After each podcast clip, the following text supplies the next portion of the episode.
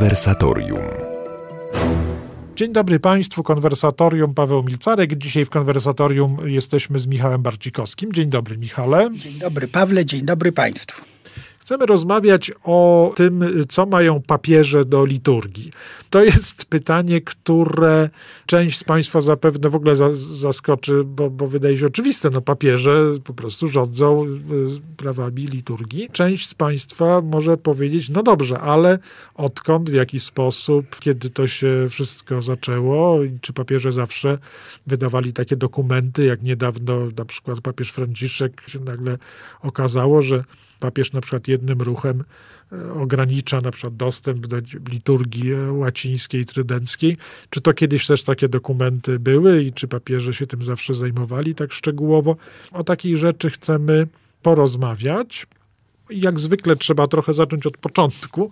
Powiedzmy sobie szczerze, że e, właściwie przez pierwszych kilkanaście wieków papieże takich wprost interwencji nakazujących w całym kościele określoną postać liturgii, to takich interwencji nie wykonywali, prawda? Zarówno jeśli mówimy o w ogóle zamierzchłej starożytności, gdzie w ogóle świat trochę inaczej, mocno inaczej wygląda i komunikacja między kościołami lokalnymi i Rzymem jest zupełnie inna niż, e, niż dzisiaj, bo wszystko dzieje się wolniej, w związku z tym świadomość tego, co się dzieje w całym świecie, jest też zupełnie ograniczona i właściwie ta władza papieska nad Kościołem całym jest w jakimś sensie wykonywana przez takie nadzwyczajne interwencje. W momencie, gdy Rzym jest proszony o objaśnienie, o rozstrzygnięcie, no bo zawsze jest jakimś jakoś kościołem apostołów, kościołem Piotrowym i w związku z tym no, jest kościołem, o którym rzeczywiście od początku sądzi się, że ma taką szczególną rolę przewodzenia w, w miłości w całym, w całym kościele. Ale im bardziej możliwość e, komunikowania się i jakiegoś porządkowania wzajemnego spraw w całym kościele staje się realna, to tym bardziej też trzeba rozstrzygnąć pozycję Rzymu, sposób jego interwencji i to się w pewnym momencie też będzie musiało wydarzyć. Ale zanim dojdziemy do, do, do tego, do tego problemu bardziej już w nowoczesnej postaci, no to oczywiście pamiętamy, że są papieże, którzy po prostu dbając o liturgię swojej własnej kaplicy, liturgię także swojej własnej stolicy rzymskiej, a to znaczy również liturgię po prostu pokaźnej części Italii, no bo to państwo kościelne i tak dalej, to oczywiście tworzyli swoisty wzór, tak, papieskiej liturgii, tutaj symbolicznie postać wcale nie pierwsza, ale symbolicznie jakoś wyrastająca ponad wszystko, świętego Grzegorza Wielkiego na przełomie VI-VII wieku. Papież ogromnie na różne sposoby zasłużony, znany nam zarówno z różnych homilii do dzisiaj e, i tłumaczonych, i, i czytanych, dialogi, w których z kolei pojawiają się pewne charakterystyczne typy hagiograficzne świętości ze świętym Benedyktem, tam właściwie jest podstawowe źródło do znajomości życia świętego Benedykta. W końcu także papież, którego imię zostało włączone do nazwy śpiewu kościelnego, chorał gregoriański, bo, bo tak jakoś tradycja przypisuje mu rodzaj uporządkowania, czy jakiegoś uładzenia, tak, repertuaru. Oczywiście oddzielenie legendy tak, oczywiście, od, od, od, tego, na ile rzeczywiście on tutaj realne działania podejmował, jest, jest trudne, prawda? Tak, no oczywiście romantyczna legenda, która jest bardziej w duchu romantycznej legendy niż historycznej prawdy, tak pokazywałaby papieża, który po prostu zasiadł i skomponował znaczną część repertuaru i stąd byłby to repertuar gregoriański, tak jak trochę jak psałterz Dawidowy. Natomiast nie jest wcale wykluczone, że papież mm, odcisnął swoje piętno na pewnym uporządkowaniu tego, tego istniejącego już repertuaru muzycznego. I do tego dodajmy także nazwę sakramentarza gregoriańskiego, czyli jednej z pierwszych w kościele znanych takich ksiąg liturgicznych, w której mamy trochę inaczej niż w mszale, jak dzisiaj jesteśmy przyzwyczajeni, niemniej podstawowe teksty do odprawiania mszy świętej, włącznie z tak zwanym kanonem, czyli modlitwą eucharystyczną, co jest jakimś pierwszym tego rodzaju obiektem takiego wzoru tak, modlitwy e, sprawowanej w Rzymie, a z czasem, ze względu na popularność tego sakramentarza i jego, jakby to powiedzieć, kopiowanie, przekazywanie sobie na zachodzie Europy, on bardziej lub mniej podobny do, do oryginału, rozwijając się trochę zgodnie z prawami tradycji, ale cały czas zachowując swoją zupełnie podstawową e, formułę, staje się, jest używany na zasadzie podawania od, od jednego kościoła do drugiego na, na zachodzie Europy. Tak? No, właśnie powiedzmy sobie to wyraźnie, że, że, że ten etap e, dziejów Kościoła, w którym e, widzimy postać Grzegorza Wielkiego, że jego troska o liturgię polega przede wszystkim na trosce o tę liturgię, którą sam sprawuje, czy która jest sprawowana w jego obecności. Do tego te księgi liturgiczne mhm. służyły. To nie były księgi, które były jakimś dekretem narzucone całemu kościołowi. Papież troszczył się o to, co się odprawia w jego kaplicy. Często w bazylice obok, prawda, był uświęcony tradycją używany jakiś inny, inny sakramentarz, prawda.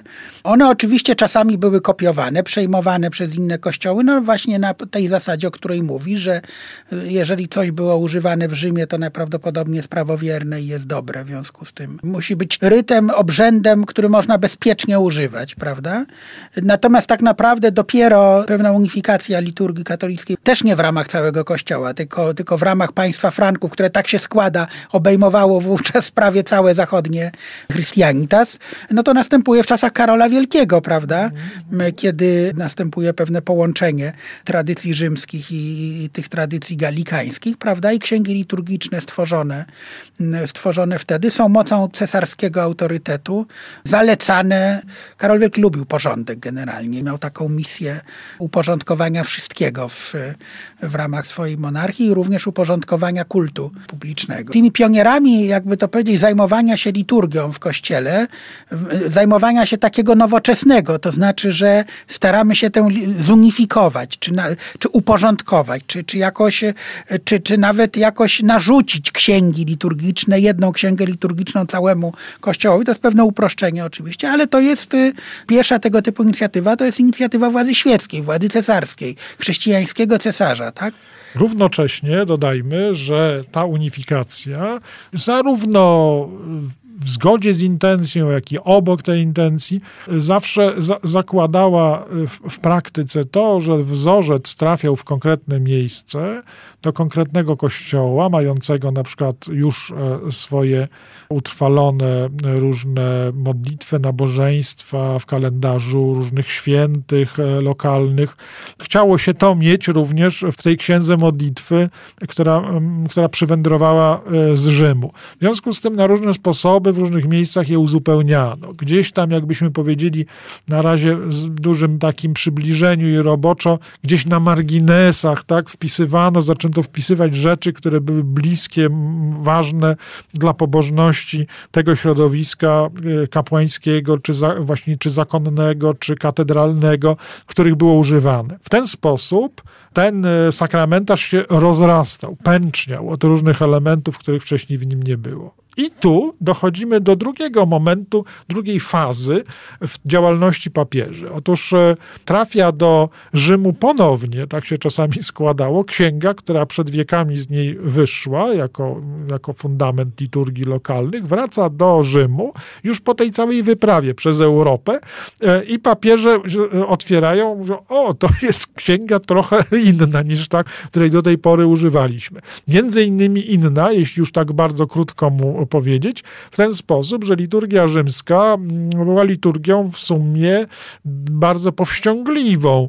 Tymczasem e, w Europie Zachodniej, takiej Galii na przykład, e, ta powściągliwa rzymska liturgia nabywała dodatków w postaci różnych bardziej lirycznych, e, bardziej osobistych dodatków, modlitw, które nie tyle poszczególni kapłani dopisywali do księgi, tylko jakby ze zbioru modlitw prywatnych kapłanów z czasem dopisywano, z czasem włączano. Otóż potężne zbiory tego typu możliwych tak, uzupełnień były w Rzymie w pewnym momencie, już w dojrzałym średniowieczu, mówimy tutaj już o XIII wieku, były przedmiotem namysłu i selekcji.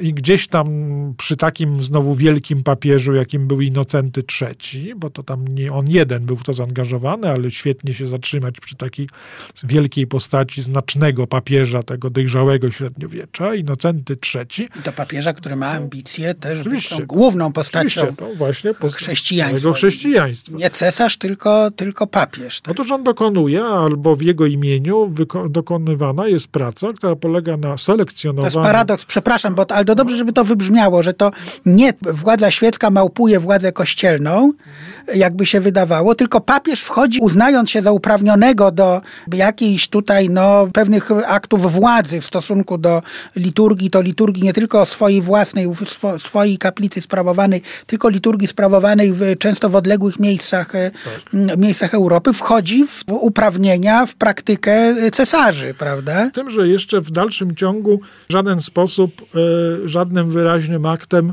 tej księgi, którą sam przegląda i której nadaje swoją pieczęć, nikomu wprost nie narzuca. Natomiast rzecz odbywa się w, jakby to powiedzieć, w sposób e, naturalny. Mianowicie mamy już nie wczesne średniowiecze, tylko średniowiecze dojrzałe, pełne. Mamy czas cywilizacji miejskiej już. Mamy krążących pomiędzy tymi miastami ciągle e, legatów papieskich, wysłanników papieskich. Mamy zakony, które już nie żyją, tak jak benedyktyni, w swoich klasztorach od wejścia do klasztoru do, do śmierci, tylko mamy już na przykład franciszkanów, których życie polega jednak na przechodzeniu z miejsca na miejsce. Mamy więc ludzi, którzy potrzebują... Dominikanów. Mamy dominikanów, mamy, tak. mamy ludzi, którzy potrzebują księgi i to nie jakiegoś wielkiego kopiowanego sakramentarza, tylko księgi, którą będą mogli włożyć do swoich rzeczy podróżnych i gdy dojdą do jakiegoś miejsca, to wyjąć księgę, rozłożyć księgę na ołtarzu i odprawić, odprawić mszę. Pewnego rodzaju standaryzacja jest tutaj niezbędna. I to jest właśnie efekt prac takich papieży jak Inocenty III. Coś, czego do tej pory nawet sobie nie wyobrażano, mianowicie, że z jednej książki ksiądz e, stając przy ołtarzu e, bocznym w kościele będzie mógł odprawić mszę cichą. Czego do tej pory nie wyobrażano sobie za bardzo, bo każda msza to musiała być celebra, przy której wykładano księgi najróżniejszego rodzaju dla celebransa, dla chóru i tak dalej. Ewangelia, lekcjone. Najbardziej, tak. tak. Otóż to wszystko zostaje włożone w skrótach w jedną księgę, która już teraz jest takim, skompak, takim kompaktowym tak, instrumentem e, e, służącym kapłanowi. I na tym właściwie kończą się dzieje w tym etapie, w którym papieże niczego wyraźnie, żadnymi dokumentami całemu Kościołowi e, nie nakładają, bo sytuacji do pewnego momentu właśnie nie zmienia też i przyjście epoki druku. Wynalazek Jana Gutenberga... On wzmacnia tę tendencję. Wzmacnia tendencję do tego, żeby mieć księgi podobne, bo jeśli mamy już tłoczyć księgi, no to muszą być one wedle jakiegoś jednego, jednego wzoru i w związku z tym zaawansowany wiek XV, pierwszy drukowany mszał e, rzymski to jest 1474 rok. To nie znaczy, że wtedy go po prostu wymyślono, tylko że po prostu do druku przeniesiono to, co do tej pory było używane, e, jako kopiowany materiał. I tyle. To pierwsze nasze wejście z tym tematem, a po przerwie o papieżach epoki nowoczesności.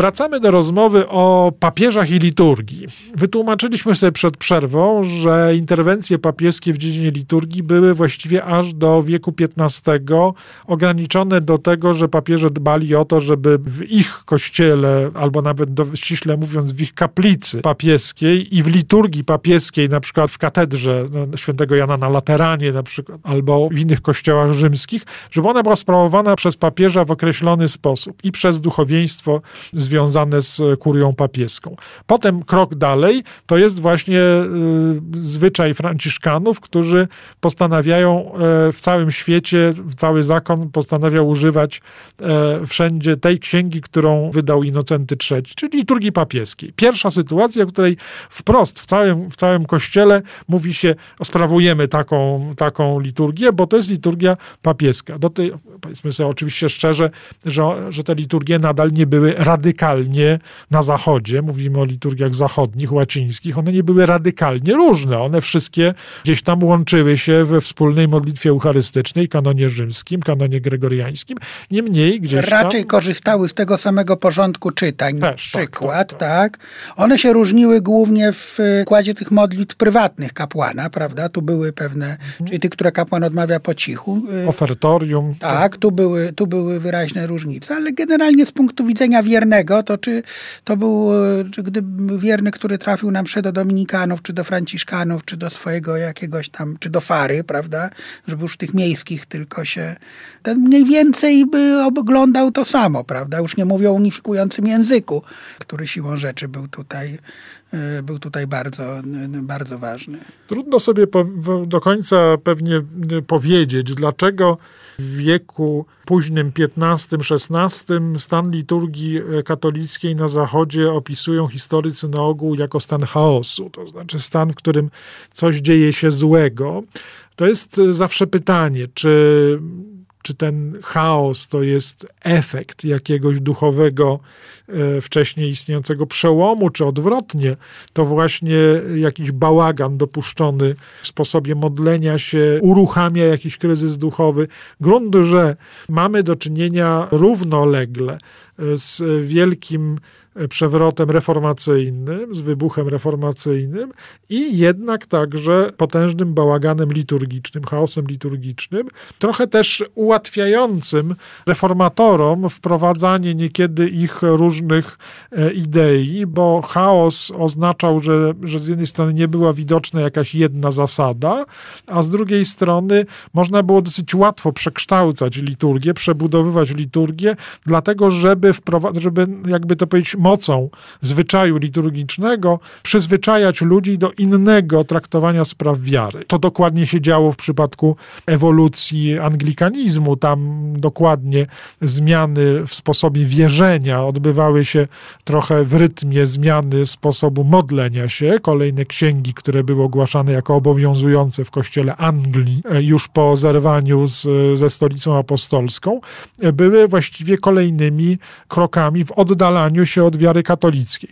Jeśli chodzi o zmiany na kontynencie, trochę może to bardziej jest tam skomplikowane i bardziej, na przykład w przypadku Lutra, wiąże się z tym, że e, ludzie świeccy w większości nie za bardzo w ogóle zdawali sobie, niestety, nie chodzi o to, żebyśmy wchodzili w jakąś czarną legendę i wyobrażenia, bo nie znaczy, że wszędzie ludzie nie wiedzieli, co się dzieje przy ołtarzu. Niemniej rzeczywiście elementem kryzysu reformacyjnego było to, że ludzie nie do końca jakby nadążali za tym, co kapłan przy ołtarzu czynił. I jeśli to był kapłan zupełnie byle jaki, to jego nadużycia, które potem mamy opisane w różnych katalogach nadużyć, mogą nam włosy dęba stawiać, co też robili kanonicy w jakiejś kolegiacie czy gdzieś tam, ale równocześnie w ten chaos, w to poczucie pewnego bałaganu mogli wchodzić ludzie, którzy chcieli po prostu wkładać tam nowe, nowe idee, przycinać, wycinać i tak dalej. A częściowo jest też pewnie tak, że z kolei biała legenda późniejszych reform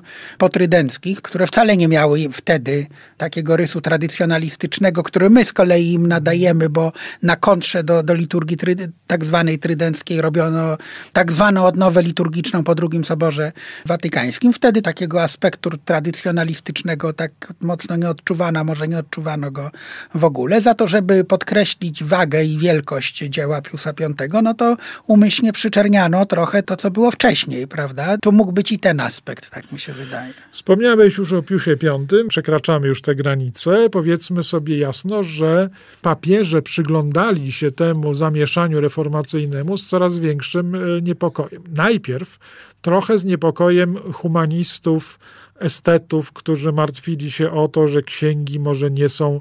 To jest paradoksalne, że pierwszy opór wobec reformacji nie miał charakteru obrony wiary, choć to się oczywiście często nakładało, ale no takie najbardziej sztandarowe przykłady, no to pierwszy, pierwszego oporu wobec, wobec reformacji to był sprzeciw humanistów, najwybitniejszych humanistów tamtej epoki, mhm. prawda? To był erazmiański, taki od Erasma, tak, tak, tak, Erasma z tak Rotterdamu, estetyczny. Tak. Ja jestem przekonany, że polskie losy, tego, że polski kościół ostatecznie za reformacją, y, za reformacją nie poszedł, da się w jakimś sensie wyjaśnić osobowością i upodobaniami Zygmunta Augusta, prawda? Który no, nie, nie, nie był władcą arcypobożnym, czy, czy zwłaszcza w osobistym życiu. Natomiast niewątpliwie był renesansowym księciem, tak? tak Jednym z, no, na, z, z, spośród ówczesnych monarchów chyba największym ucieleśnieniem, prawda? Tego ideału opiekuna sztuk, opiekuna nauk i tak dalej. U niego to był przede wszystkim estetyczny opór. To, co ostatecznie zdecydowało, że on jednak, e, jednak a, a brakowało niewiele, tak? Jego nie, nie, nie, nie, nie trzymała heroiczna pobożność i heroiczna wierność e, sprawie katolickiej, prawda? Przy, przy, przy katolicyzmie na pewno za, zatrzymał go wymiar taki, taki estetyczny, prawda? No więc wiesz, to rzeczywiście trochę odnosi się też do papieży tamtego czasu, bo jak sobie spojrzymy na postać e, taką jak Leon X, to znowu nie mamy do czynienia z kimś e, o ogromnie wielkiej, jak mówiąc delikatnie, o odorze Sanctitatis. Tak, aczkolwiek jest też czarna legenda, która tak, tak, w większości nieprawdziwa. Tak, tak, tak, tak. Ale jest... No, nie był żadnym potworem, ani zboczeńcem, tak, ani... Z całą, całą pewnością. Ale był przede wszystkim, tak jak jego otoczenie, skoncentrowany na tym, żeby w sumie jakiś był porządek i żeby to był ładny, ładny porządek. I to, co mamy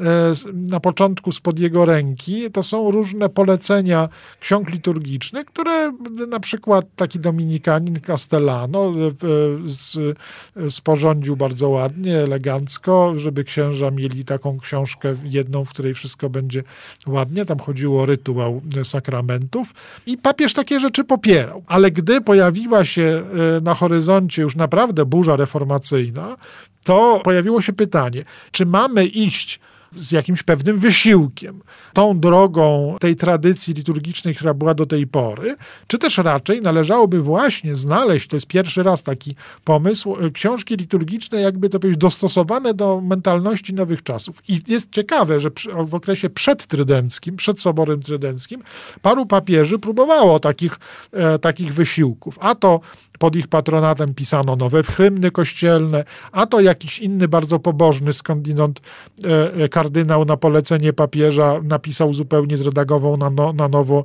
brewiarz, tak żeby bardziej był pożyteczny, bo już nie będzie się tyle psalmów odmawiało, ale będzie się czytało pobożne, budujące rzeczy. Więcej Pisma Świętego, ale jako czytanego e, takiego, a nie recytowanego psałterza. Tego typu poszukiwania zostały przecięte właściwie dopiero w... Zaczęto oficjalnie prywatnie odmawiać. Tak, że, tak, tak, I nagle się zorientowano, że to, co w chórze ma sens, tak. E, jak się odmawia wspólnotowo, to tak prywatnie, prywatnie zaczyna być jakimś taką, no, zwłaszcza w przypadku tej juczni nieszczęsnej, no prawda, tak, że trzeba... Te, czy, tak, tak, absolucje. Najdłuższej tak części. Po co to, po co to, po co, po, po co to wszystko? W związku z tym renesansowi papieże bardzo chętnie udzielali tutaj wsparcia. Wszystko zmienia się.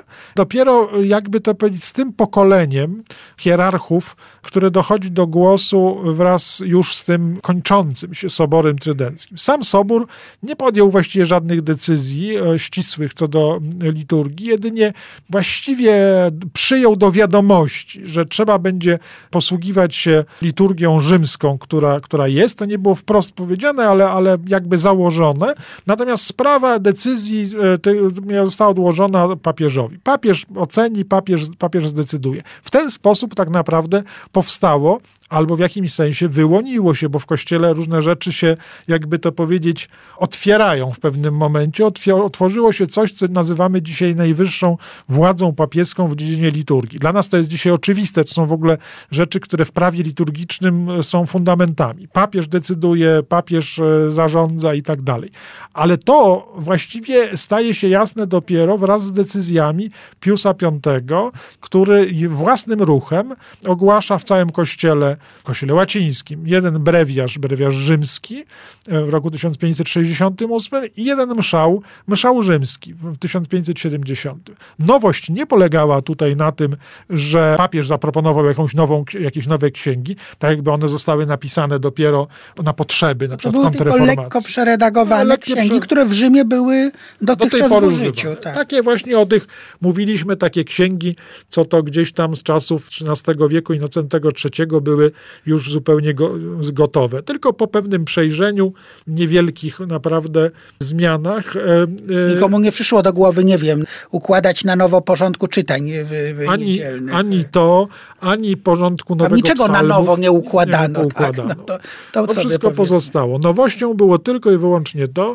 że papieże, zdając sobie sprawę z tego potężnego, albo w każdym razie przyjmując jako uwarunkowanie chaos w kościele i bałagan już związany także z samą reformacją i trudność w ocenieniu, co jest obrządkiem tradycyjnym, a co jest tak naprawdę tym właśnie bałaganem od XIV wieku się e, rozwijającym, e, zarządzają, że w całym kościele kapłani mogą i Właśnie to jest. używać. To nie jest tak, że zakazano używania czegokolwiek innego, tak? I nakazano wszędzie, w każdym kościele używać jednego y, mszału. To oznaczało tylko i wyłącznie, że nie żaden biskup, żadna władza kościelna nie może kapłanowi nakazać używać innego mszału, mówimy o, o liturgii tak, tak. prywatnej, tak? tak Bo, tak. niż mszał, mszał świętego Piusa V.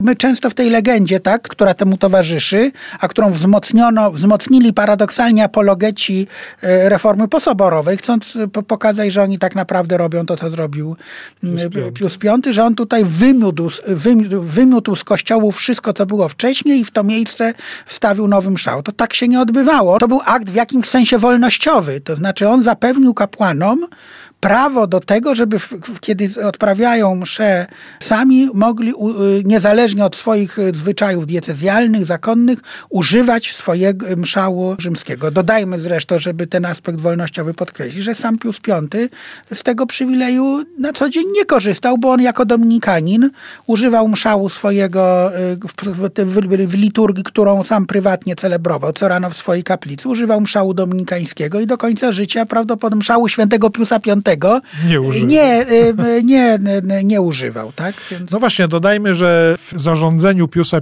V zawarta była ta ważna klauzula, że każdy kościół lokalny, który jest w stanie przedstawić długowieczność e, swojej własnej tradycji liturgicznej, ta długowieczność rzeczywiście była spora, bo wymagane było lat 200, 200 pewnie związane po prostu z przekonaniem, że trzeba przekroczyć jakby ten, ten czas e, tego, tego, tego zamieszania i kryzysu duchowego. Sądzono, że najbezpieczniej będzie tu trzymać się tych 200 lat. Jeśli gdzieś w jakimś kościele istnieje liturgia rzeczywiście starożytna, starożytna, to, to ten kościół może przy niej swobodnie pozostać. I z tego przywileju szereg kościołów lokalnych skorzystało, choć można powiedzieć, że z czasem e, to już na zasadzie doceniania pożytku liturgii rzymskiej, część z tych, które wcześniej e, pozostały przy swoim długowiecznym e, rycie, to stopniowo się do tego rzymskiego również przypisywały. Niemniej tak nawet do XX wieku mieliśmy i wspomniałeś ryt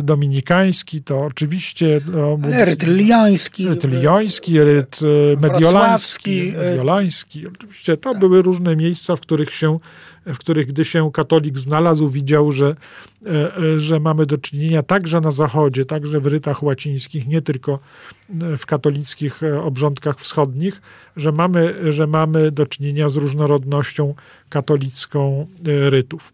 I tu właściwie moglibyśmy powiedzieć, że od tego XVI wieku, od czasu tej decyzji Piusa V, która dajmy, powiedzmy sobie, wchodziła w życie jeszcze długo w różnych kościołach lokalnych, to nie było tak, że to polecenie, co prawda obłożone poważnymi groźbami i tak dalej, ono i tak no, w niektórych kościołach lokalnych nie weszło tak szybko, bodaj najpóźniej we Francji, która była taka pod tym względem niezbyt pokorna, tam tak naprawdę liturgia trydencka w cudzysłowie weszła do kościołów lokalnych dopiero w XIX wieku, ale to już e, dość szczególny przypadek.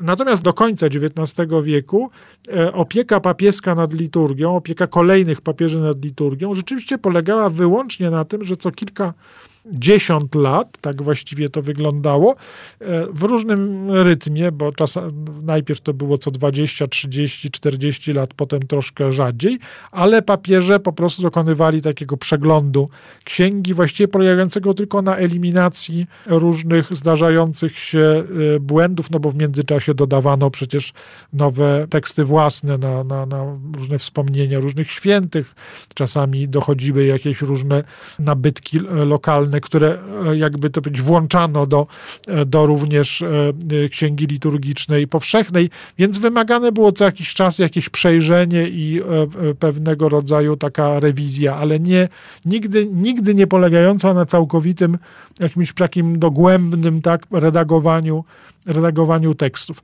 W wieku XIX wraz z Leonem XIII mamy do czynienia z taką nowością, która polega na tym, że papież polecił po prostu świętej kongregacji obrzędów, żeby wykonała pracę nad tak zwanymi egzemplarzami czy wydaniami wzorcowymi, to się nazywało editio typica i takie wydania wzorcowe tak, miały być jedynym punktem odniesienia dla wszystkich wydawców w świecie katolickim, którzy takie księgi mieli drukować. Jedyna do tego czasu nowość. I nadchodzi wiek XX, o którym będziemy musieli powiedzieć trochę inne rzeczy. Wracamy do rozmowy o papieżach i liturgii. Doszliśmy y, do wieku XX, to nam poszło o tyle łatwo, że od XVI wieku do wieku XX, po decyzji Piusa V i innych papieży potrydenckich, właściwie papieże y, ograniczali się wyłącznie do zarządzania raz na jakiś czas pewnego przeglądu, takiego jakby, żeby eliminować różne błędy czy pomyłki, które tam po drodze mogły gdzieś. Kodyfikacji, bo pojawiały się nowe wspomnienia wspomnienia świętych, prawda? Tego rodzaju prace, które właściwie w większości już wykonywała bez wielkiego hejnału, odgrywania wielkiego hejnału, po prostu instytucja powołana do tego, święta kongregacja obrzędów, która pilnowała właściwie wtedy w większości spraw rubrycystycznych i rozwiązywała różne wątpliwości, które mogły być związane z konkretem celebrowania liturgii i także zajmowała się raz na jakiś czas pilnowaniem tego, żeby książki zostały w nowych kompletach, księgi liturgiczne zostały wydane i by, by istniał ich wzór. Sytuacja zmienia się w wieku XX, bo mamy tutaj najpierw pontyfikat wielkiego świętego Piusa X, który między innymi, jeśli chodzi o liturgię, zapisuje się y, właściwie jakby w dwojaki sposób. Z jednej strony jako ten, który stwierdza, że należy zadbać o jakość y, sakralną śpiewu kościelnego i to jest rzecz, którą dzisiaj się tutaj nie, nie, nie, w naszej rozmowie nie zajmujemy, ale zawsze o tym trzeba pamiętać. To jest problem watykańskiej edycji ksiąg śpiewu kościelnego, którą akurat Pius X popchnął w stronę interpretacji soles męskiej, także to są wielkie czasy badań i, e, i propozycji, interpretacji, które przychodziły od mnichów benedyktyńskich kongregacji solem, e, ale obok tego mamy też Piusa X, który myśli sobie już w kategoriach, e, że liturgia powinna pozostać tradycyjna, ale też powinna się dostosowywać, bo musi być dostosowywana do sytuacji duchowieństwa w aktualnych czasach. Jest, wisi nad, tą, nad, nad tym namysłem takie przekonanie, że zmieniły się bardzo czasy, że księży jest mniej niż było wcześniej, że duszpasterstwo też musi się przestawiać na pewne nowe rytmy tak, wymagań e, cywilizacji miejskiej, nowoczesnej, industrialnej i tak dalej. I teraz w tym duszpasterstwie musi być też czas na aktywność w większym stopniu niż czas na odmawianie tradycyjnie długich modlitw, tak zwanych pacierzy kapłańskich, czyli brewiarza. Pius X nakazuje przejrzenie brewiarza, od tego się tak naprawdę cała historia tutaj zaczyna i w efekcie dochodzi do przekonania, że tradycyjną zasadę odmówienia całego psałterza w ciągu tygodnia da się zrealizować przy jednak znacznym odchudzeniu i znacznym przeformułowaniu całego systemu psałterza brewiarzowego. W związku z czym otrzymuje się prawi, e, brewiarz odchudzony, jakby to powiedzieć, dający się krócej odmawiać. Ale powiedzmy od razu, że y, jakby struktura godzin kanonicznych, ona zasadniczo pozostaje nienaruszona. Tak, tak. Zmieniony jest y, układ psalmów, ich rozłożenie na poszczególne dni, dni tygodnia, Aczkolwiek znowu nie w niedzielę i najważniejsze święta, to też jest charakterystyczne, więc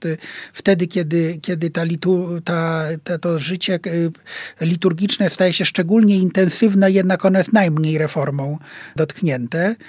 Nie wiem, psalmy niedzielne, nieszporne, które my znamy chociażby z nabożeństw nieszporów ludowych, tak one pozostają, pozostają, y, pozostają te same. Wszystkie inne teksty pozostają mniej więcej na tych samych miejscach, czytania w juczni, antyfony, i tak dalej. Przy całym radykalizmie tak, tej reformy, a była radykalna, no bo po prostu na nowo napisano księgę, księgę liturgiczną, dość mocno zmieniając układ, układ psalmów, to jednak ona była, jak ją odmawiasz, masz poczucie, że odmawiasz liturgię tradycyjną, tak? W tym sensie, że, że, że odnajdujesz te same antyfony, te same hymny, te same czytania, prawda?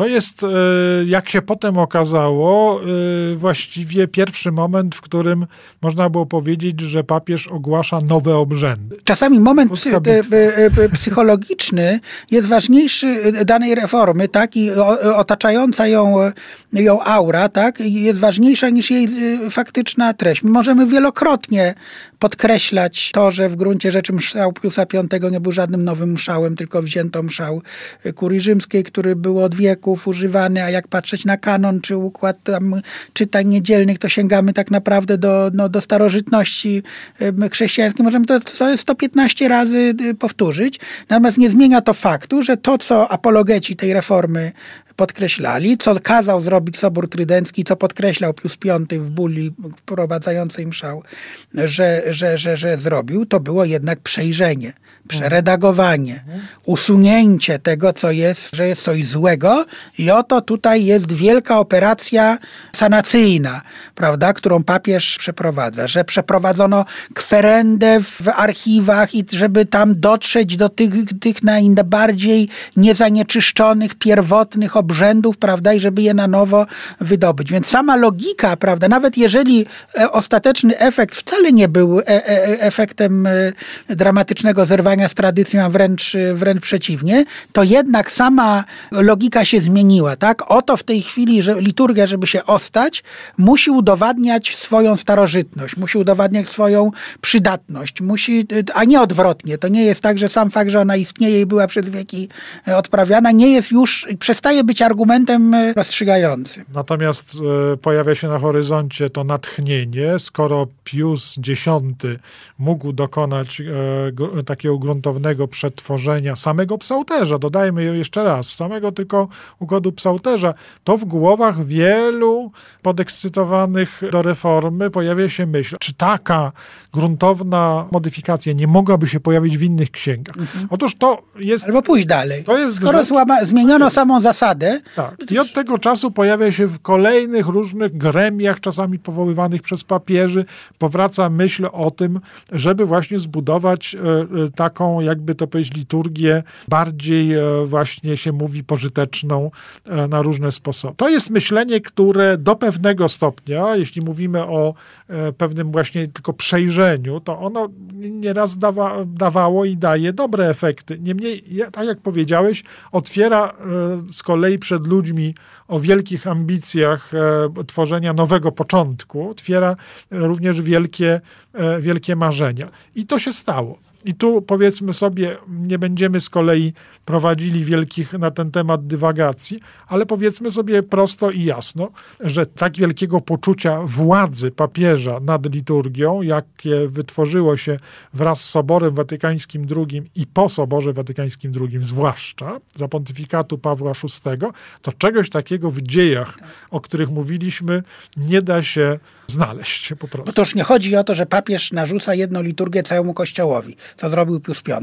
Nie chodzi o to, że papież bierze nożyczki i y, jakby to powiedzieć y, na nowo rozcina poszczególne elementy liturgii, składa je y, na nowo, ale jednak są to stare elementy. My tu mówimy o sytuacji, w której po prostu napisano liturgię na nowo i znaczną część tekstów modlitw wymyślono od nowa. Nie używano żadnych starych. To jest trochę, mówię teraz o liturgii posoborowej, wypadkowa z jednej strony tendencji do tego, żeby skorzystać z odkryć e, źródeł i nowego ich opisania w XIX i XX wieku, czyli jest ta skłonność do archeologicznego wydobycia różnych zasobów, które wcześniej na przykład może rzeczywiście nie były znane, więc wyciągnąć modlitwy, które od starożytności na przykład nie były używane w, w liturgii. Argument, który dla ludzi wszystkich wieków w kościele by nie działał. Przekonanie, że gdy coś jest takie stare, starożytne, ale nie było tego w obiegu, no nie jest elementem zachwycającym. Natomiast dla specyficznego muzealnego myślenia e, ludzi nowoczesności, to poczucie, że można manipulować rzeczywistością w ten sposób, że wydobywać jakieś skarby z, kataku, z katakumb i nagle e, przydawać im nowego życia, jest strasznie e, ekscytującą perspektywą. Oto nareszcie używamy jakichś starożytnych źródeł. To jest jedna tendencja. Druga, obok tego, o której też wspominaliśmy, tendencja, żeby pisać rzeczy od nowa, bo człowiek współczesny, człowiek nowych czasów, to w ogóle człowiek zupełnie innej cywilizacji i zupełnie nie rozumie tego, co było, co było starożytne i co jest w kościele do tej pory używane. Trzeba używać innych słów, innych obrazowań, innych odniesień i tak dalej. I to jest ta druga tendencja. Liturgia posoborowa jest paradoksalnie efektem złożenia tych dwóch, e, tych dwóch e, elementów. Czyli ma rzeczywiście w sobie bardzo dużo elementu archeologicznego, różnych odniesień, czasami rekonstrukcji, bo nie mamy całości, a e, niekiedy same te elementy z odległej przeszłości, to jest kazus drugiej modlitwy eucharystycznej, z kolei zostają przycięte do tego, jak, jak sobie reformatorzy wyobrażali, że to jest coś do przyjęcia dla, dla tak. człowieka dzisiejszego. Ale o tym to w zasadzie można by co, długo. Od, po pierwsze długo, a po drugie oddzielny odcinek. Tak, tak, tak. Powiedzmy sobie więc, bo to nas to w tej rozmowie interesowało, że y, o czym mówił kardynał Ratzinger w duchu liturgii w swojej, jednej z swoich prac, rzeczywiście władza papieska nad liturgią doszło do swojego szczytu, specyficznego szczytu po Soborze Watykańskim II i to takiego w sensie, e, jakby to powiedzieć, pozytywistycznym. Znaczy, gdy mówimy o prawie i mówimy o pozytywizmie prawniczym, to mówimy o sytuacji, w której wydaje się, że prawodawca nie jest skrępowany żadnym stanem przed prawem pozytywnym, tylko przez prawo pozytywne roz, rozwiązuje konflikty czy trudności swojego czasu. Otóż trochę tak pojmuje się dzisiaj intuicyjnie zasadę prawa liturgicznego. Wystarczy, że papież stwierdzi, wystarczy, że władza najwyższa coś określi i to wystarczy do sensowności tego przepisu. Oczywiście jesteśmy tutaj dość daleko od e, tego przekonania tradycyjnego, że e, ta władczość papieża jest już wewnątrz logiki tradycji, że papież jest bardziej kustoszem tradycji, że użyjemy tego określenia, a nie wytwórcą rytów, e, jak trochę to zobaczyliśmy w wieku XX. Dziękujemy Państwu za, za uwagę. Obaj z Michałem Barcikowskim próbowaliśmy Państwu rzeczy stare i nowe wydobyć do e, tej rozmowy o e, papieżach i liturgii, a dzisiaj się z Państwem już żegnamy. Michał Barcikowski i Paweł Milcarek. Dobrej niedzieli. Dobrej niedzieli. Audycja powstaje we współpracy z kwartalnikiem Chrystianitas.